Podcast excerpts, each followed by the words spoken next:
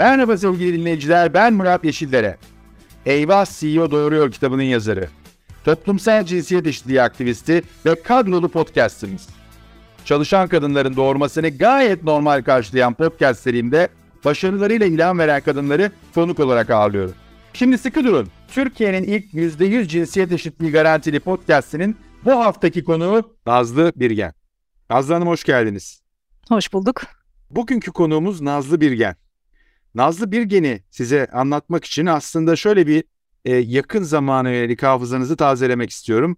8 Aralık 2021 Lazio Galatasaray maçı ve Galatasaray Teknik Direktörü Fatih Terim maç öncesinde basın toplantısı yapıyor. Ve o basın toplantısı sırasında yanında Nazlı Birgen var. Fatih Terim'in e, zaman zaman heyecanlı, tutkulu konuşmasını, e, başı sonu bazen olmayan cümlelerini, uzun uzun cümlelerini öyle bir maharetle, öyle bir beceriyle çevirisini, tercümesini yapıyor ki o basın toplantısının sonunda Fatih Terim dahi yanına gidip onu takdir ediyor. Ve aslında yaşadığımız bu dünyada, yaşadığımız çağda işini böylesine keyifle, iyi, tutkuyla yapan insanları e, çok daha fazla görmek, etrafımızda deneyimlemek istiyoruz ki Nazlı Hanım bir anda e, önce sosyal medyada sonra da Türkiye'deki kamuoyunda birçok insanın ilgi alanına giriyor. Bir Beşiktaşlı olmasına rağmen Galatasaraylılar Nazlı Hanım'a bağrına basıyor. E, böyle bir giriz, girizgah yapmak istedim ama aslında Nazlı Bilge'nin hikayesini sizden duymak isterim. E, nasıl başladı bu İtalya macerası? İsterseniz biraz onu konuşalım. Ondan sonra da konumuza gelelim. Ee, çok teşekkürler her şeyden önce bu girizgah için. Ee, İtalya macerası şöyle başladı. Bundan yaklaşık 19 yıl önce, 18 buçuk yıl önce e, babamın da İtalyanca biliyor oluşunun bende yarattığı bir İtalyanca tutkusunun peşinden giderek İtalya'ya dil öğrenmeye geldim. Bir dil okuluna kaydoldum. E, İtalya'ya dil öğrenmeye gelip tabii aslında İtalya'nın şehirlerini, sokaklarını özellikle de Floransa gibi Rönesans'ın başkenti olan bir şehirde e, gezerken e, onları da bir şekilde benimsememek, onları da sevmemek, onları da aşık olmamak mümkün değildi. Nitekim de öyle oldu. İlk görüşte aşık oldu diyebilirim. Ve ondan sonra önce dil okulunu uzattım. Daha sonra başka diller, e, kültür ve sanat kursları derken e, yaklaşık bir yılımı İtalya'da geçirdikten sonra bunu bu sefer üniversite eğitimi şeklinde devam ettirmek istediğime karar verdim. Ve Fransa Devlet Üniversitesi'ne başvuru yaptım. E, kayıt olmak üzere başvurumun kabul edilmesine takiben orada kaldım. E, aslında ilk niyetim e, sanat tarihi sosyolojisi alanında yüksek lisans yapmaktı. Fakat o zamanlar üniversiteler arası, Türk üniversiteler arası e, İtalyan üniversiteleriyle denklikler bu kadar. Bugün olduğu gibi değildi. Denklik noktasında birazcık bana sorun olacağını fark ettiğim için e, yine ikinci tutkum olan sosyoloji sanat tarihini bir tarafa bırakırsak dil ve edebiyat alanına yönelmeyi tercih ettim. E, bu sefer e, lisans eğitimini almadığım bir alanda ikinci kez lisans eğitimi almak istedim ve Avrupa dilleri ve edebiyatına yazıldım. İngilizce dili, İngilizce ve İspanyolca, İngiliz dili ve edebiyatı, İspanyol dili ve edebiyatı. E, buradan mezun olduktan sonra Siena Yabancı Dil Üniversitesi'nde İtalyanca öğretmenliği dalında bir yüksek lisans yaptım.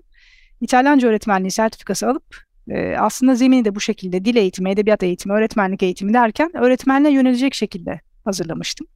E, bu esnada üniversite sırasında kendime ait ufak bir çevre oluşturmaya başlamıştım. E, tercümanlık yaparak gelenlere turistik amaçlı olsun, iş amaçlı olsun gelenlere refakat ederek dil anlamında. E, ve daha sonra tamamen tesadüfi bir şekilde aslında karşıma tercümanlık çıktı. E, bana çok uygun bir meslek olduğunu fark ettim. Bir şekilde dil altyapım da buna e, el verir bir seviyedeydi. Muhtemelen kişiliğim, karakterim de buna el verir bir seviyedeydi ve bu şekilde tercümanlık macerası başlamış oldu. Bugüne kadar geldik. Nefis, çok güzel bir hikaye. E, tercümanlık macerası deyince benim e, cahilliğimi hoş görün lütfen.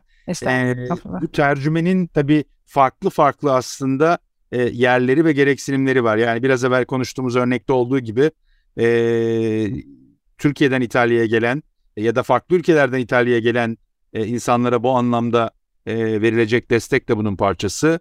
E, ya da e, bir takım metinlerin bu anlamda e, kitaptan makaleye e, tercüme edilmesi de bunun parçası. Bu anlamda e, benim cahilliğimin içinde böyle bir uzmanlık tarafı var mıdır bunun yoksa e, bu dediklerimin hepsi mi sizin ilgi alanınıza girer? Ee, aslında şöyle bu dediklerinizin hepsi benim ilgi alanıma giriyor. Bu biraz benim çok yönlü e, birisi olmamdan kaynaklanıyor galiba ama çoğunlukla aynen sizin ifade ettiğiniz gibi bazen ardıl çeviri, bazen simultane çeviri, konferans çevirmenliği olarak da adlandırılan, e, bazen edebi çeviri, sadece yazılı metinler üzerinden, e, yazılı ve edebi metinler üzerinden olabilir, e, araştırma kitapları olabilir, aynı şekilde edebiyatın dışında sadece araştırma çeviren meslektaşlarımız da var. E, ticari e, çevirmenlik yapılabilir, hukuki çevirmenlik yapılabilir, e, turistik tabii ki, yani bunun sadece tur rehberliği olarak düşünmemek kaydıyla, e, sanat tarihi bilgisi olan, belli alanlarda gerçekten derin bir bilgi ve birikimi olan sanat tarihçileri, mimarlar yine burada refakatçılık üzerinden bunu yapabiliyorlar. E, o yüzden de evet söylediğiniz gibi çok farklı alanları var. E, benim tutkusu olduğum, yani tutkun olduğum alanlar aslında e, spor, kültür, sanat, e, diplomasi, siyasete büyük bir merakım var, siyaset tarihe büyük bir merakım var, e, arkeoloji. Çok uzun yıllardır e, Türkiye'de kazı yapan bazı e, İtalyan kazı ekipleriyle çalışıyorum. Başta Uşaklı Höyük, Yozgat olmak üzere. E, onun dışında bu sene muhtemelen e, birazcık da hem Mersin hem de e, Antakya tarafına da e, ufak bir yayılma olacak gibi gözüküyor yine İtalyan kazı heyetleriyle birlikte. E, o da benim için tutku e, yani gerçekten tutkuyla bağlı olduğum alanlardan bir tanesi. Buna ek olarak da edebiyat yani kitap çeviriyorum. E, vaktim imkanım oldukça diyelim çünkü o çok meşakkatli bir iş gerçekten. E, heyetlerle çalışıyorum AB projeleri kapsamında e, İtalya'ya gelen, İtalya'daki muhataplarıyla görüşmeler düzenleyen e, bakanlık seviyesinde, genel müdürlük seviyesinde heyetlere refakat ediyorum. E, iki ülke arasındaki üst düzey bazı diplomatik e, etkinliklerde, faaliyetlerde yer aldım. Yer almaya devam ediyorum. Büyükelçilik olsun, Yunus Emre Türk Kültür Merkezi olsun e, müşavirliklerimiz olsun. E, liste uzun aslında. Yani yıllar içerisinde birazcık da e, tabii e, bir ağaç gibi düşünün. Bir gövdeden çıkıyorsunuz ama e, onun e, aynı zamanda e, dalları var, taç yaprakları var. Yani birazcık da kendi içerisinde o akan bir yol gibi, akan bir su gibi birazcık. Ne güzel, çok güzel ifade ettiniz. Bu futbol, sanat, kültür tarafına daha detaylı gelmek istiyorum. Özellikle futbol benim de e, ilgi ve tutku alanlarımdan bir tanesi. Benim Ama, de aynı şekilde. E, sizin de öyle olduğunu biliyorum. İyi bir Beşiktaşlı olduğunuzu gene galiba babadan da gelen bir şeyle olduğunu. Aynen, aynen, aynen. E, o tarafa gelmek istiyorum ama demin anlattıklarınızın içinde e, birkaç şeyi şöyle birazcık daha detaylandırmak isterim. Bir tanesi e, aslında hani birçoğumuzun düşündüğü varsaydığı gibi siz İtalya'da oturup oraya gelenlere e, destek veren bir yerde değil işte Türkiye'de de oluyorsunuz. Farklı e, bir takım şeyleri yani bir ayağınız Türkiye'de olmaya devam ediyor bu kazı ekibi çerçevesinde. E, gene yanlış bilmiyorsam kitap çevirileri Türkiye'de yayınlanan kitapların çevirileri tutuyorsunuz. E, kaç kitap oldu böyle çevirisini yaptığınız? Bir ya da bir çeteleyi tutuyor musunuz? E, tutmuyorum ama geçen gün tesadüfen bir arkadaşım sorduğu için e, 6 oldu 7.ye e, gidiyoruz gibi. Oh, e, 7. E, 7. de yani fırınladık diyebiliriz. E, bir iki tanesini bu çevirisini yaptığınız kitapların şöyle bir e, online olarak inceleme şeyini buldum. Hani bayağı ağır metinler yani dolayısıyla ne kadar zaman alır böyle bir kitabın çevirisi? Ee, şöyle aslında maalesef yani bunu maalesef diyerek söylüyorum. Edebi çeviri yaptığım noktada sadece o kitaba eğilecek bir vaktim olmuyor. O yüzden genellikle çok uzun bir zaman talep etmek zorunda kalıyorum e, yayın evlerinden. Çünkü diğer işlerin e, arasına onun yani özel bir programlamasını yaparak yapmak zorundayım. Net bir cevap veremeyeceğim aslında ama e, şöyle söyleyeyim takribi bir yıllık bir çalışmadan bahsedebiliriz. Ama dediğim gibi bir yıl boyunca sadece kitapla ilgilenmediğiniz bir çalışma düzeninde evet. Doğru doğru. Aslına bakarsanız e, bir birkaç ay önce Ahmet Ümit'i e, son kitabını yazma hikayesini e, dinleme şansım oldu. Son kitabı 5 yıldan fazla bir zaman aldı dedi yazması. Ama dedi sizin biraz evvel ifade ettiğiniz gibi araya başka iki tane daha kitap sığdırdım ben dedi. Tabii yani, evet. Bir yandan da paralel bir şey e, hayat var süren devam eden. E, peki e, bir de şey kısmı bana ilginç geliyor. Demin e, kendi hikayenizi özellikle akademi tarafını anlatırken İngilizce, İspanyolca dediniz. İtalyanca bir tarafta. Yanlış bilmiyorsam Fransızcanız var. Fransızcam yok. Fransızcam yok. Ee, Portekizceyi orta seviyede anlayabiliyorum. Pasif dil olarak kullanabiliyorum evet. Peki bu tercüme bunların hepsinin şeyinde midir yoksa e, İtalyanca hep merkezde olup bunların arasında mı ya da İtalyanca ya da Türkçe midir merkezde? Nasıldır orası? Evet. İtalyanca, Türkçe, İngilizce diyebilirim. Bu üç dil arasında e, fazla bir ayrım gözetmediğimi söyleyebilirim. Özellikle birinci çalışma alanlarım yani sinema olsun, kültür sanat olsun, e, spor diplomasi alanında e, terminoloji e, olarak bu üç dile de aşağı yukarı eşit seviyede ve e, eşit yetkinlikte hakim olduğumu düşünüyorum. E, ama bunun dışında İspanyolca ve Portekizce'yi de pasif dil olarak kullanabiliyorum. Yani onların kullanıldığı durumda az önce söylediğim üç dilden herhangi bir tanesinde çıkabiliyorum. E, tabii bunu e, çok özel terminolojisi olan sektörleri e, dışarıda bırakarak konuşuyoruz. Yani çok özel hukuki, çok özel sigorta terimleri olabilir, çok özel finans terimleri olabilir. Bunların özel bir hazırlığını tabii ki yapmak gerekiyor önceden. Bir de e, yani sizin yaptığınız işte bana enteresan gelen taraflardan bir tanesi ki e, gene e, medyada takip ettiğim kadarıyla Fatih Terim'de olan e, tecrübede dahi e, hani o birkaç yerini ya buraları çevirme tarzında e, söylemiş ve oraları siz çevirememişsiniz. Ama hani bu basit tırnak içinde basit tarafının dışında mesela diplomasiden bahsediyorsunuz. E, bu rol bir de bir ketumluk da aslında getiren bir rol. Yani zaman zaman aslında o çeviriyi yaptığınız, tercümeyi yaptığınız insanların e, işte diplomasi anlamında e, hükümet heyetlerinin bir takım paylaşımlarının içindesiniz değil mi? Yani Kesinlikle. o tarafı da çok çok kritik diye düşünüyorum. Aynen yani kapalı kapılar ardında yapılan birçok toplantıda bulundum. Ee, tabii ki burada kesinlikle bir etik anlayışınızın çok sağlam bir etik anlayışınızın olması gerekmekte. Ee, ve o güveni e, bir türlü e, sağlayamadığınız kurumların zaten sizinle çalışma ihtimali yok diye düşünüyorum. Yani o güven noktasında mutlaka e, çok sağlam durmamız gerekmekte. Yani bunu bir tek kendim için değil bütün meslektaşlarım için söylüyorum kesinlikle tabii ki. Peki e, şimdi bizim e, podcastimizde biz toplumsal cinsiyet eşitliği konusunu e, konuklarımızın gözleriyle, e, gözlemleriyle e, irdelemeye, paylaşmaya çalışıyoruz. E, bu çerçevede de aslında özellikle spor ve futbol e, o stereotip e, edilme şekliyle bir erkek iştigal alanı olarak görülen e, bir e, spor dalı e, futbol. Bu anlamda bakıldığında sizin gene bu e, Fatih Terim'le olan şeyden sonra e, keşke kadın futbolda daha da gelişse Beşiktaş başta olmak üzere buraya daha çok ilgi de gösterilse e, diye bir paylaşımınızı da e, gördüm ki Aynen. E, ben bir Fenerbahçeliyim kendimce iyi bir Fenerbahçeliyim yüzde yüzde katılıyorum bu söylediğinize e, ama nedense kafalarda kadından futbolcu olmaz kadından sporcu olmaz diye bir ön yargı var.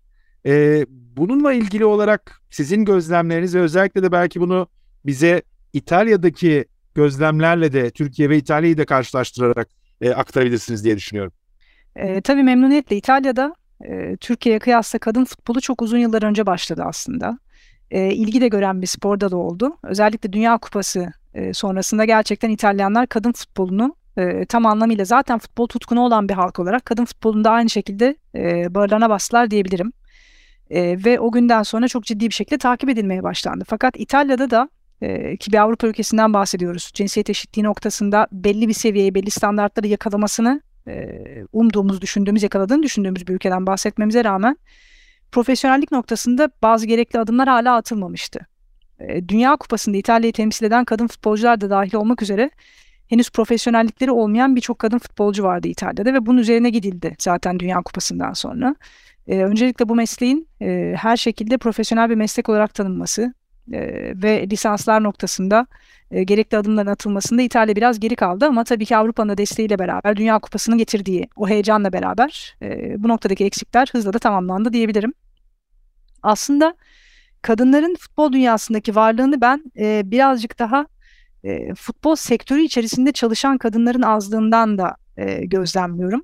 Çünkü özellikle benim durduğum yerde bir basın toplantısında bir futbolcunun veya bir teknik adamın veya bir kulüp yetkilisinin yanında bir kadın tercümanın yer aldığına ben şahsen çok az şahit oldum.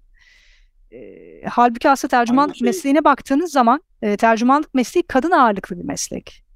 Gerek kabin kısmı olsun gerek ardıl kısmı yani birebir gözüktüğünüz tercümesini yaptığınız kişinin yanında olduğunuz senaryoyu da düşünürseniz aslında kadın ağırlıklı bir meslek olmasına rağmen belli sektörlerde hala e, kadınların e, belli alanlara giremediği bir durum söz konusu. E, ve ben bana gelen çeşitli mesajlardan hepsini cevap vermeye çalıştım ama tabii ki atladıklarım da olan ne yazık ki mesajlardan atladıklarımdan da özür diliyorum aynı zamanda. E, beni en çok sevindirenler e, tam olarak da buna vurgu yapanlar oldu. E, yaptığım işin övgüyle karşılanması, e, mesleğime olan tutkumun, sevgimin görülmesi bir yana e, bir kadın olarak orada bulunmam yurt dışında olma vesilesiyle bir Türk kadını olarak orada bulunmam ve bununla ilgili mesajlar beni gerçekten çok mutlu etti. E, çünkü kadınların bu işi yapmaması için e, futbola, spora, futbol terimlerine, futbol insanlarına e, destek olamaması, e, bunlara hakim olamaması için hiçbir sebep yok gerçekten objektif olarak.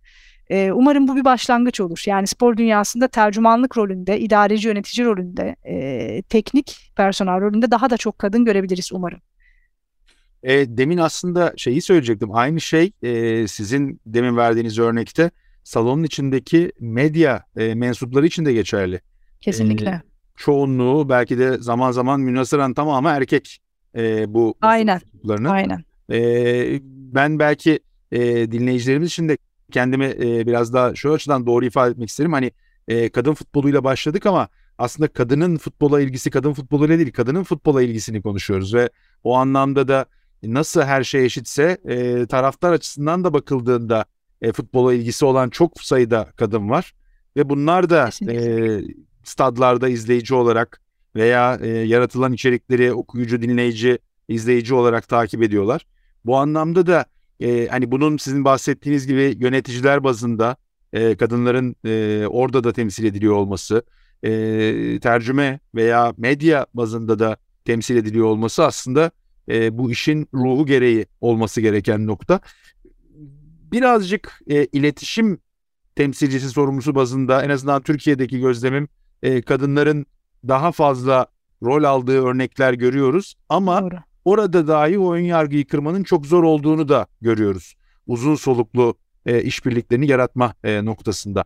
E, peki buradan e, birazcık da e, demin bahsettiğiniz o e, Türkiye-İtalya noktasına gidiyorum. Çünkü e, İtalya'da bahsettiğiniz o profesyonelleşme e, kadın futbolu özelinde yanlış hatırlamıyorsam yine Dünya Kupası'ndan hemen sonra e, Amerika Birleşik Devletleri şampiyon takımın e, oyuncuları ücret noktasında benzer bir tepkiyle federasyona karşı çıktılar. Aynen takım kaptanlarının yürüttüğü çok ciddi bir kampanya olmuştu hatırlarsanız. Ee, onun birazcık da e, İtalyanların böyle bir deyimi vardır. Onun dalgasının üzerine e, biz de sörf tahtalarımızla böyle yerleşerek bir şekilde bütün dünyada kadın futbolu için böyle bir hareket başlatıldı evet. E, o çok çok önemli aslında yani dediğiniz gibi birisinin böyle bir şey bir kıvılcım atması e, hani o kıvılcımla birlikte de arkadan geliniyor olması çünkü e, bazen niyetini sorgulamıyorum e, bilinçsiz önyargılar o kadar güçlü ki zihinlerimizin içinde Aynen. bazı resimleri gördüğümüzde yani bir salonda 20 erkeğin olması o 20 erkeğe bazen rahatsız edici gelmiyor gayet normal geliyor. Ee, hani bir kadın, iki kadın, üç kadın gelince e, belki birazcık daha değişmeye başlıyor ve yavaş yavaş niye biz burada daha fazla kadın e, davet etmiyoruz veya burada niye onları da dahil etmiyoruz soruları daha çok çıkmaya başlıyor. Hani o da hesap sormayla bence oluyor. Yani bizim Kesinlikle. o bahsettiğiniz koltuklara kadınları daha fazla dahil etmemiz noktasında. E buradan birazcık da hani bir çıt daha e, iyi, olumlu resimle karşılaştığımız e, kültür sanat e, dünyasına e, geçmek e, istiyorum. Gene sizin e, yakın olduğunuz ve bu anlamda da e, yakın çalıştığınız e, alanlar, sektörler diye düşünüyorum. E, benzer bir soruyu, benzer bir karşılaştırmayı orası için e, de sormak istiyorum. Yani orada tabii kadınlar kültür sanatın içinde e, çok daha fazlalar. Belki e, zaman zamanda sayısal olarak bakarsak e, erkeklerle e, karşılaştırılabilir bir çoklukta var birçok alanda. Ama e, konu gelip de işte e, ne bileyim e, filmlerde, dizilerde başrol almak veya verilen e, emeğin karşılığının ücretlendirilmesi kısmına geldiğinde eşitsizlik bu sefer oralarda baş gösteriyor. Aynen aynen. E, bu İtalya'da da e, başka çeşitli Avrupa ülkelerinde olduğu gibi üzerine çok sık konuşulan tartışılan konulardan bir tanesi ücret eşitsizliği özellikle. E, burada da söz konusu böyle bir ücret eşitsizliği çok çok bariz olmamakla birlikte özellikle belli sektörlerde mesela kültür sanat noktasında, sinema dünyasında, tiyatro dünyasında çok çok bariz olmamakla birlikte çünkü yapılan işe birazcık daha bağlı olabiliyor. prodüksiyon bütçesine bağlı olabiliyor. Yani bu tip farklılıklar meydana gelebiliyor. Daha çok cinsiyet üzerinden değil e, birazcık yapılan işin niteliğiyle bağlantılı olarak bazı farklılıklar olabiliyor ama e, siyasette böyle bir durum söz konusu, e, lobi çalışmalarında böyle bir durum söz konusu, kadın kolektifleri, erkek kolektifleri noktasında baktığınız zaman böyle bir durum söz konusu. Benim içerisinde olduğum e, bazı kadın oluşumları var. E, burada birçok meslek dalından gerçekten e, yüzlerce kadının da içerisinde yer aldığı. Biz sık sık bir araya gelip bunları konuşuyoruz. E, hatta şu anda İtalya'da bir e, Cumhurbaşkanlığı seçimi bekliyor bizi. E, önümüzdeki birkaç hafta içerisinde artık işin rengi aşağı yukarı belli olacak gibi. E, ve e, çok büyük bir beklenti var aslında İtalyan kamuoyunda bir kadın cumhurbaşkanı. Acaba İtalya'da olabilir mi diye. Şimdi kültür sanattan girdik buraya geldik ama e, burada kültür sanat dünyasının da büyük bir desteği söz konusu. Siyasette kadınların e, özellikle bir kadın cumhurbaşkanı üzerinden İtalya'nın ve bütün İtalyan kadınlarının Avrupa'nın temsil edilmesi önemli bir adım olabilecektir diye düşünüyorum. E, kültür sanat dünyasında evet aslında sizin ilk başta söylediğiniz üzere e, temsil noktasında eşit hatta bazen kadınların lehine bile e, bir durum meydana geldiğini en azından benim deneyimim bu şekilde. Kültür merkezleri olsun, müzeler olsun, sergi alanları olsun. E, burada ben birçok kadın e, müze müdürüyle, e, birçok kadın kültür projesi yürütücüsüyle çok rahatlıkla karşılaşabiliyorum. E, ve belki Türkiye'ye kıyasla e, bu anlamda bir tık öndeler diyebilirim. Kültür sanat e, çünkü zaten İtalya'nın kendisini üzerinden çok tanımladığı alanlardan bir tanesi. Özellikle bu alanda e, gerçekten de cinsiyet, toplumsal cinsiyet eşitliğinin altını çizmek istediklerini düşünüyorum. E, o yüzden bu alanda muhtemelen kadınlara çok çok daha e, geniş bir görünürlük sağlamaları bir gibi bir durum söz konusu. E, bir adım daha aslında yukarıya doğru çıkarsak hani biz hep toplumsal cinsiyet eşitliğiyle başlıyoruz ama bir de çeşitlilik kısmı var. E, yani orada da sadece cinsiyet değil e, işte dini, dili, ırkı, milleti hatta yaşı, nesli gibi e, farklı e, değerlendirme e, noktalarındaki bu e, çeşitliliği arttırmak ve kapsayıcı olarak da e, bütün bu e, farklı kesimleri de e, toplumun içinde kendilerini ifade edebilecekleri, eşit hak ve fırsatlara sahip olabilecekleri bir hale getirmek.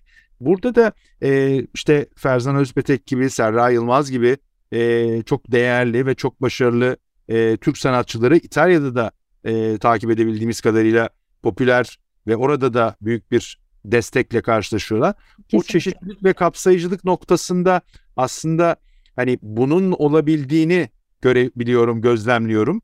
E, ama hani e, enteresan olan tabii sizin duyduğunuz e, insan her yerde aynı insan.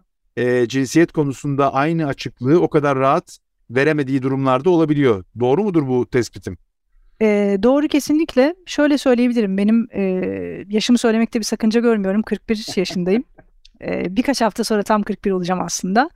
E, etrafımda çocuk sahibi olan çok arkadaşım var. Çocuklarının bazıları birazcık daha erken çocuk sahibi olanlar belki e, 10, 12, 15'e kadar hatta giden bir yaş aralığında, 10-15 yaş aralığında çocuk sahibi olan birçok arkadaşım var diyebilirim. E, o yüzden gençleri gözlemleme imkanım çok oluyor. E, ben de onlarla vakit geçirmekten keyif aldığım için herhalde birazcık. E, İtalya'da son dönemde e, şöyle bir nesil yetişiyor. Yani İtalya özelinde ben size anlatmak isterim burada olduğum için. E, nasıl ki bizim neslimiz yani ben 81 doğumluyum. 80'lerde 90'larda doğanlar. E, yani 2000'lerin hatta çok başında 90 sonu 2000 diyelim. Yani orada bir çizgi çekelim aşağı yukarı. E, biz bir kimlik arayışı içindeydik ve kendimizi tanımlamak gibi bir çabamız vardı. E, özellikle biz kadınlar yani genç kızken ve daha sonrasında biz kadınlar olarak. E, burada ise yeni neslin gerçekten her türlü tanımdan kaçtığı bir durum söz konusu şu anda. E, tanımlanmak istemiyorlar, herhangi bir çerçeveye kısılmak istemiyorlar. E, bu cinsiyet tanımları üzerinden olabilir, cinsel yönelim üzerinden olabilir, e, siyasi görüş üzerinden olabilir, etnik köken, e, dini inanç üzerinden olabilir. E, her şekilde bütün bu kategorileri çok net bir şekilde reddeden, e, toplumun kapsayıcı olması gerektiğini düşünen, ve her şeyi denemekten, her kültüre yaklaşmaktan büyük keyif alan bir nesil yetişiyor. İtalya için en azından böyle. E, bunu olumlu algılayanlar var, olumsuz algılayanlar var. Yani takdir edersiniz zaten o konuda hep farklı görüşler olacak. E, birazcık daha muhafazakar bir kesim tabii ki var.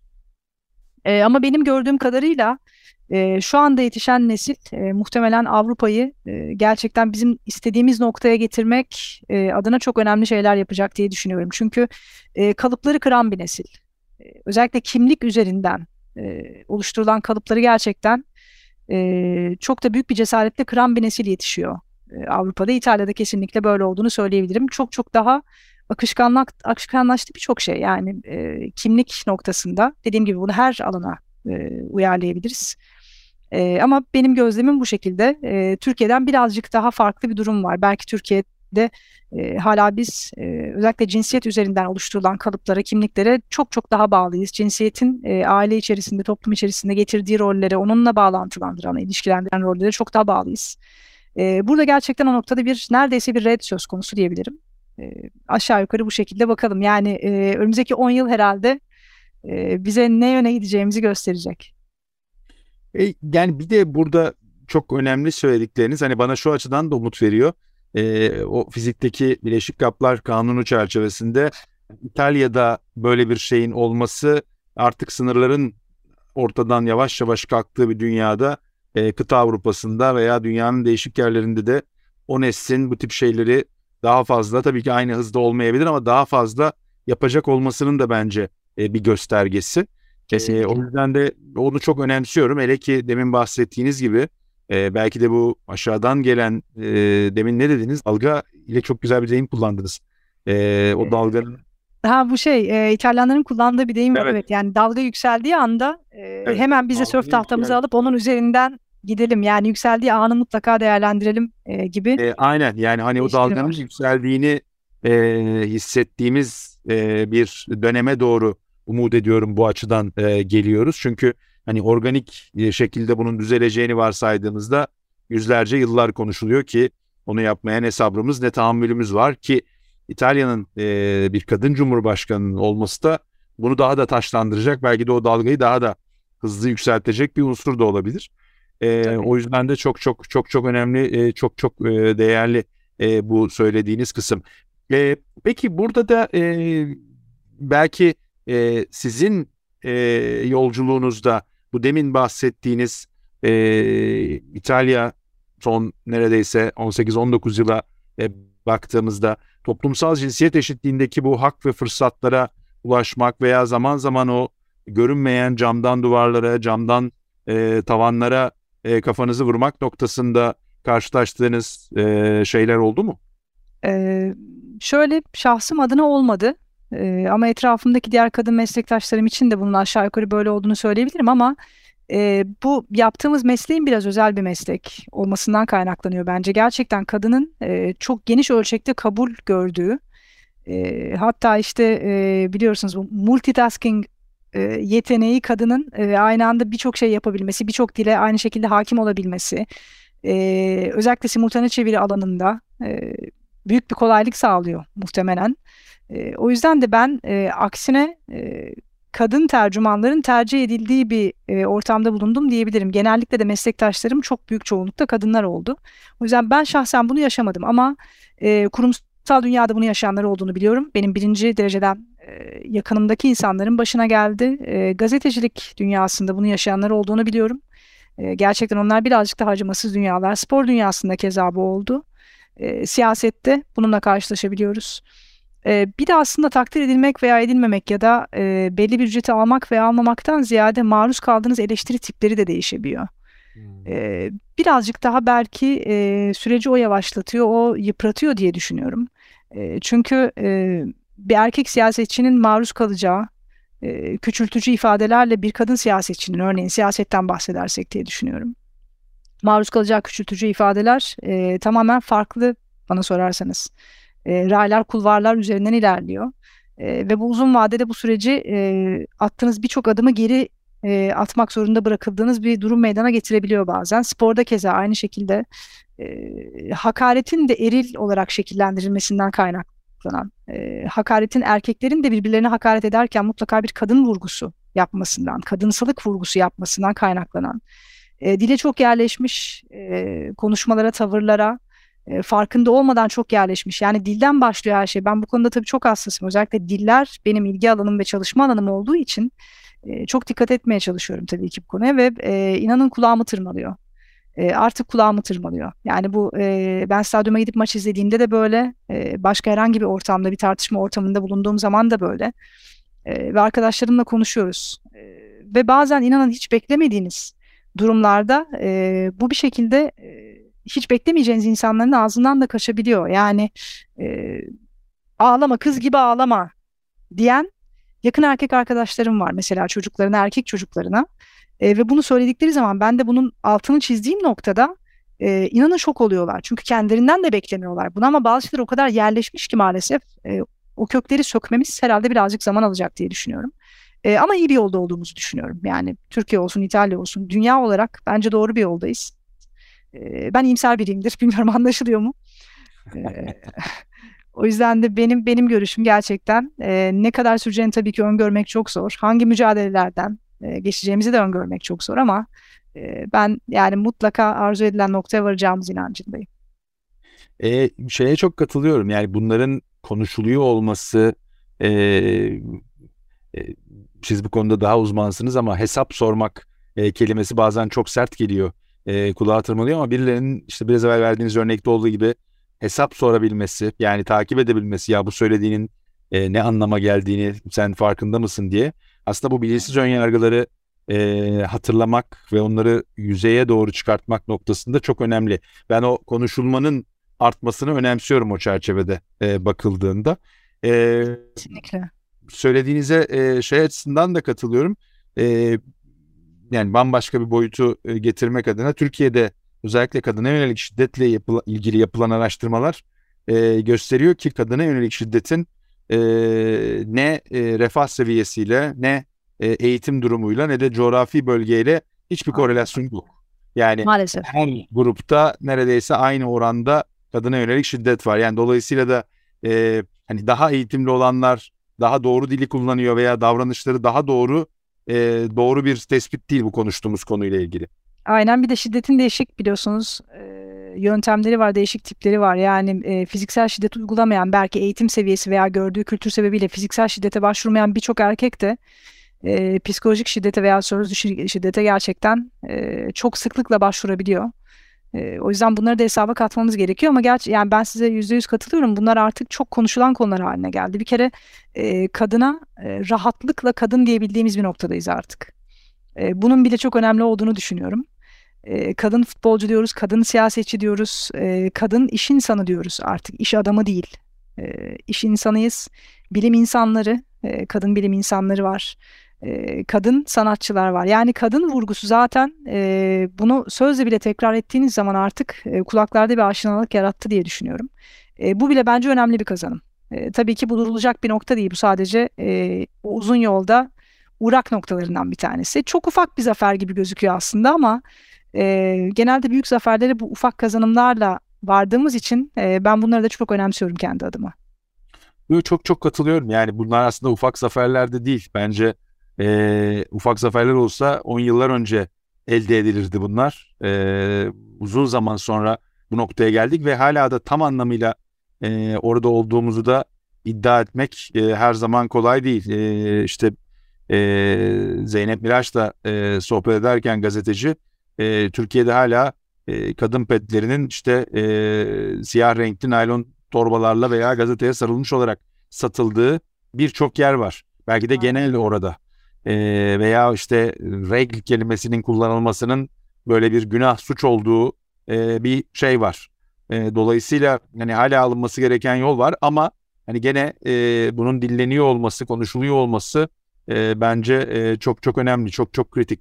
E, biraz evvelki o camdan tavan, camdan duvar kısmına e, biraz gelmek istiyorum. Hani sizi e, zorlamak adına değil ama e, Yo, bununla ilgili e, şöyle şeyler de zaman zaman duyduğum için e, hani kurumsal ortamda e, fırsatlar veya haklarla ilgili elde edilen ya da edilemeyen konular olduğu gibi zaman zaman insanların aslında yapmak istediklerini ertelemesi veya önceliklerin değişmesi ya da e, erkeklerle benzer şeyleri yapmak adına kendini daha da fazla e, zorlayarak ve dalı daha çok çevirmeye çalışması da bu camdan tavan veya camdan duvarın bilinçsiz kadınların zihnine işlediği refleksler olabiliyor.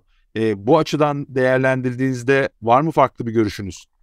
Ee, olabilir, olabilir evet. Yani bu noktada belki e, birazcık daha bizim meslek dalının da e, bunu yaşadığını söyleyebilirim. E, ama e, az önce ifade ettiğim üzere belki özel bir e, meslek yaptığım için gerçekten kadının e, çok el üstünde tutulduğu bir meslek yaptığım için e, çok bariz yani gerçekten benim adıma en azından büyük bir haksızlık teşkil eden bir durumla karşılaşmadım. Hmm. E, ama doğru çaba göstermeniz gerçekten gerekiyor. E, bir de şöyle bir şey var bence e, kadın egemen ortamlarda aslında kadınlar arasındaki kız kardeşliğin, kadınlar arasındaki işbirliğinin ben e, daha önemsenmesi, e, birazcık daha gelişmesi gerektiğini düşünüyorum. E, bazen bu noktada e, erkek işbirliğinin, erkek arkadaşlığı, dostluğu, e, yoldaşlığının e, birbirlerini korumak adına e, daha güzel işler yaptığına şahit olabiliyorum. En azından ben kendi adıma şahit oldum buna. E, kadın egemen ortamlarda ise bazen e, belki de e, aynen biz ister istemez kadınlar olarak e, belli şeyleri çok zor elde edeceğimiz, elde edebileceğimiz algısıyla yetiştirildiğimiz için e, herkesle paylaşmak istemiyoruz sanki bazen elde ettiklerimizi. Ve bu ister istemez kadınlar arasında bir rekabet yaratan bir durum. Birbirimize destek olmak yerine E, bu bizim mesleğimizde olan bir şey gerçekten. Yani benim gözlemlediğim noktalardan bir tanesi erkekler arasında, e, erkek meslektaşlarım arasında daha ben açıkçası daha sağlam bir dayanışma görüyorum. E, bunu da sorgulamamız gerekiyor. E, bence çünkü e, o algıya belki biraz fazla takılıp kaldık. Yani bir şeyler için çok fazla uğraştık. E, çok fazla uğraşarak elde ettiklerimiz bizim için o kadar kıymetli bir hale büründü ki e, artık onu paylaşmaktan, o bilgiyi, o beceriyi, e, o deneyimi paylaşmaktan sanki birazcık imtina ediyoruz, birazcık kaçınıyoruz gibi geliyor bana. E, belki biz kadınların da e, bu noktada bir açılıma gitmemiz gerekecek diye düşünüyorum. Çok önemli, çok, önemli, çok değerli bir tavsiye. E, yavaş yavaş podcastimizin de e, sonuna doğru geliyoruz ama e, bir konuyu da sormadan geçemeyeceğim. Biraz evvel değindiğiniz konuda acaba farklı bir ders yaratabilir miyiz diye bu e, yeni neslin umut veren reflekslerini, davranışlarının altını çizmiştiniz. E, çeşitlilik konusunda konulara çok daha açık bir e, zihinle bakma konusunda. E, bu anlamda e, sadece yeni nesil açısından değil, belki onların yetiştirilişi açısından, belki eğitim sistemi açısından, belki İtalya'daki genel iklim açısından var mı sizin böyle bir e, öğretiniz veya e, şuraya dikkat etmek aslında enteresan olabilir bu çeşitlilik konusundaki e, ilerlemeyi daha da hızlandırmak adına? Ee, şöyle sabit bir öğretim yok aslında ama e, okullara bakmak çok önemli bence. Ee, okullarımızı çok önemsemeliyiz diye düşünüyorum. Okul eğitim sistemi, e, orada öğretilenler, e, özellikle müfredat noktasında birazcık daha basma kalıp e, müfredatlara takılıp kalmadan e, çocuklara e, işte duygusal zekanın da geliştirilebileceği, e, kapsayıcılık, sosyal içerme noktasında farklı yetenekler elde edebilecekleri, farklı bakış açıları elde edebilecekleri e, bir eğitim sistemi bence e, oluşturmalıyız ve onları bu şekilde e, yoğurmalıyız diye düşünüyorum. Çünkü burada İtalya özelinde konuşursak yine e, belki de eğitim sisteminin en önemli noktalarından bir tanesi bu. E, çocuklar kendini çok rahatlıkla ifade edebiliyorlar. Ve sanat olsun, kültür olsun, erkek kız ayrımı kesinlikle yapılmadan hiçbir şekilde cinsiyet ayrımı yapılmadan her alanda mutlaka genel kültür adına bir bilgileri olması, e, hitap sanatından tutun e, işte mimari, e, kültür sanat, tarih, e, tablolar, resimler, e, Roma tarihi ve zaten bununla beraber güncel tarihe kadar eğitimini alıyorlar. E, duygular üzerine çok çalışıyorlar mesela İtalyan okullarında. E, bu benim önemsediğim bir konu. Hatta e, geçtiğimiz günlerde elime bir kitap geçti. Duygu Atlası e, diye. E, çünkü yeni neslin bazen duyguları ifade etmekte e, biraz zorlandığı bir durum söz konusu olabiliyor. Türkiye'de bunu bazen görüyorum. E, son zamanlarda bazı haberler geldi. E, eminim siz de takip etmişsinizdir kamuoyundan. Belli intiharlar, özellikle genç yaştaki öğrenciler. Maalesef, evet. E, bu noktada birazcık daha e, gençlerin duygularını ifade etmelerine e, ve o duyguları tanıyarak, anlayarak e, bu işin de nereye gidebileceğini, bu işin gerçekten endişe verici, korkulacak bir noktada çocukları vurduğunu, gençleri vurduğunu anlamamız gerekiyor diye düşünüyorum. Yani duygusal zeka, duygusal eğitim bence çok önemli bir noktada olmalı. Çünkü duygularını tanıyan insanlar genelde kendilerini de tanıyabiliyorlar. En azından benim deneyimim bu şekilde oldu. Ve o duyguları doğru isimlerle bence adlandırmak gerekiyor. Yani öfkenin bir tanımı var, heyecanın bir tanımı var, sevginin bir tanımı var, güvenin bir tanımı var, endişenin bir tanımı var. Bunların hepsine bence ayrı ayrı eğilmemiz gerekiyor diye düşünüyorum. Yani yeni neslin muhtemelen güçlü olduğu nokta bu olacak. Umarım bütün dünya için yani İtalya, Türkiye hiç ayırt etmeksizin. Harika. Nazlı Bilgen gönlünüze sağlık, ağzınıza sağlık. Çok teşekkürler. Ben teşekkür ederim. Bizimle olduğunuz için. Bu vesileyle e, Fatih Terim'e de teşekkür edelim buradan. E, dolayısıyla sizinle Daima. yaşadığı bu deneyim e, aslında bizim e, dikkatimizi e, size yönlendirdi ve tanışma, sohbet etme imkanını da bulmuş olduk. Çok çok teşekkür ediyorum. Ben teşekkür ederim. Davetiniz için gerçekten çok keyifli bir sohbet oldu. E, umarım ben beklentilerinize karşılık verebilmişimdir. Estağfurullah. Çok şey öğrendim sizden. Sağ olun. İnşallah iletişime devam etmek dileğiyle. Hoşçakalın. Görüşmek üzere. Çok teşekkürler. Eyvah CEO Doğruyor da bu hafta konuğumuz Nazlı Birgen oldu. Önümüzdeki hafta farklı bir kadın liderle tekrar sizinle birlikte olmak dileğiyle.